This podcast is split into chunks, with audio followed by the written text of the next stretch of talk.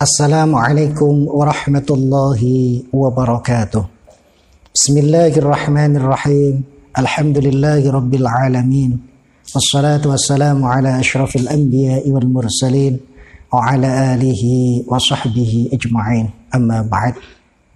Para pemirsa yang budiman di mana pun Anda berada, selamat berjumpa kembali melalui acara kuliah Ramadan yang kali ini mengangkat tema perbanyaklah mengingat kematian.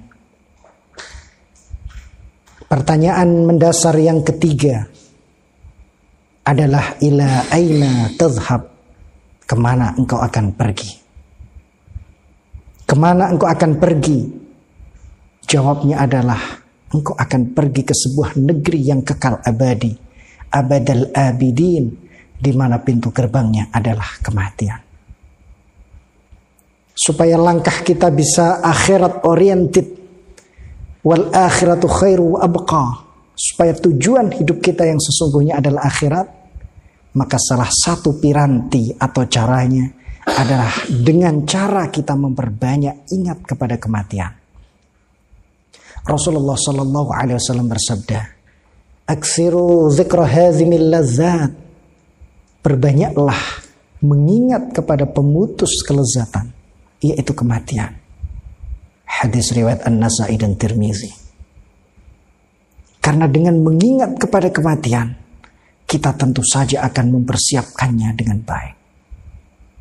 Dalam hadis yang lain, sahabat pernah bertanya kepada Rasulullah sallallahu alaihi wasallam, "Fa ayyul mu'minina akyas?"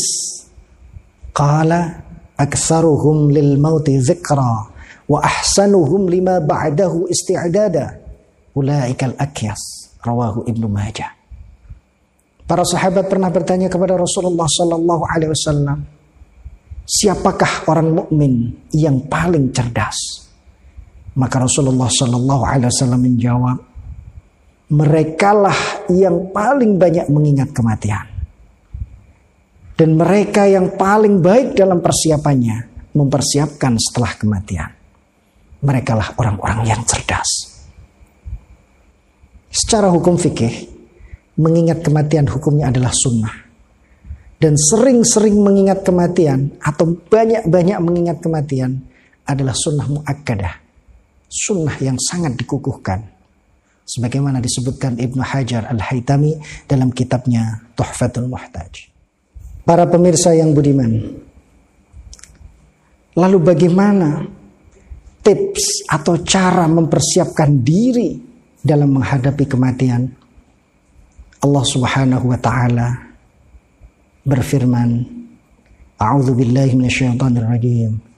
فمن كان يرجو لقاء ربه فليعمل عملا صالحا فليعمل عملا صالحا ولا يشرك بعبادة ربه أحدا Barang siapa yang menginginkan bertemu dengan Tuhannya di surga, maka silahkan mempersiapkan kematiannya. Falyamal amalan salihah dengan beramal yang saleh dan yang kedua jangan menyekutukan Allah. Jadi Allah memberikan dua syarat bagi siapa pun yang ingin bertemu dengan Allah di surganya. Satu beramal yang saleh dan kedua tidak menyekutukan Allah dengan selainnya. Menurut Syekh Mu'ad sebagaimana dikutip dalam tafsir Al-Baghawi Qala Mu'ad wal amalu salih alladhi fihi arba'atu asya' al-ilmu niyyah was sabru wal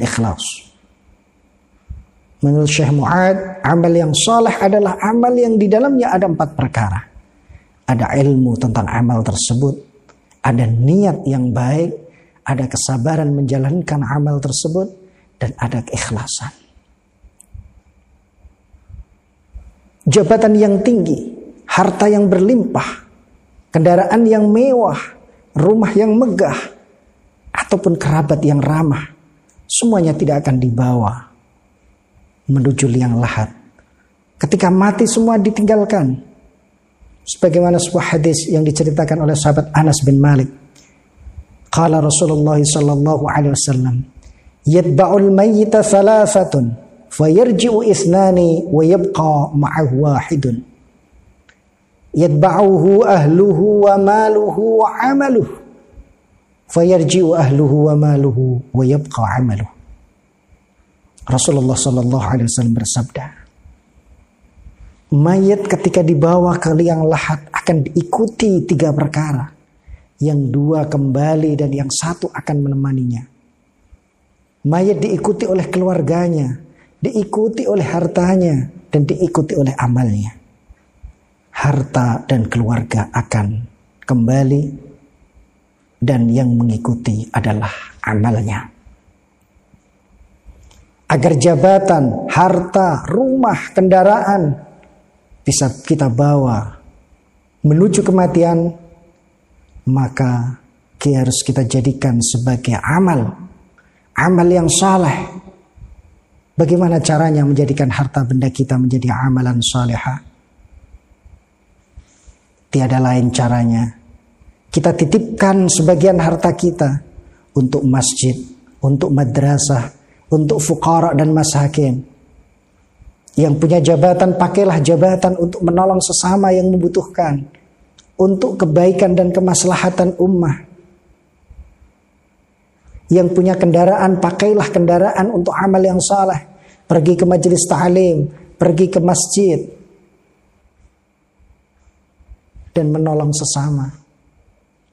Maka jika hal ini telah kita lakukan, maka harta, benda, jabatan, dan uang yang kita punya bisa kita rubah menjadi sesuatu yang bernilai amal. Dan amal itulah yang nanti akan kita petik buahnya. Akan kembali kepada kita ketika kita sudah berada di akhirat. Karena apa? Ad-dunya mazra'atul akhirah. Karena dunia ini adalah ladang untuk beramal kita di akhirat nanti. Maka jadikanlah apa yang diamanahkan oleh Allah di dalam dunia ini sebagai amalan salihah. Karena barang siapa yang menanam pasti akan menuai dan kita ingin hasil panen kita melimpah. Kita ingin hasil panen kita banyak.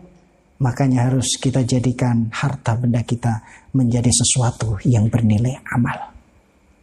Mudah-mudahan ada berkah dan manfaatnya. Mohon dimaafkan kurang dan lebihnya. Wallahu muwaffiq ila aqwamit thariq.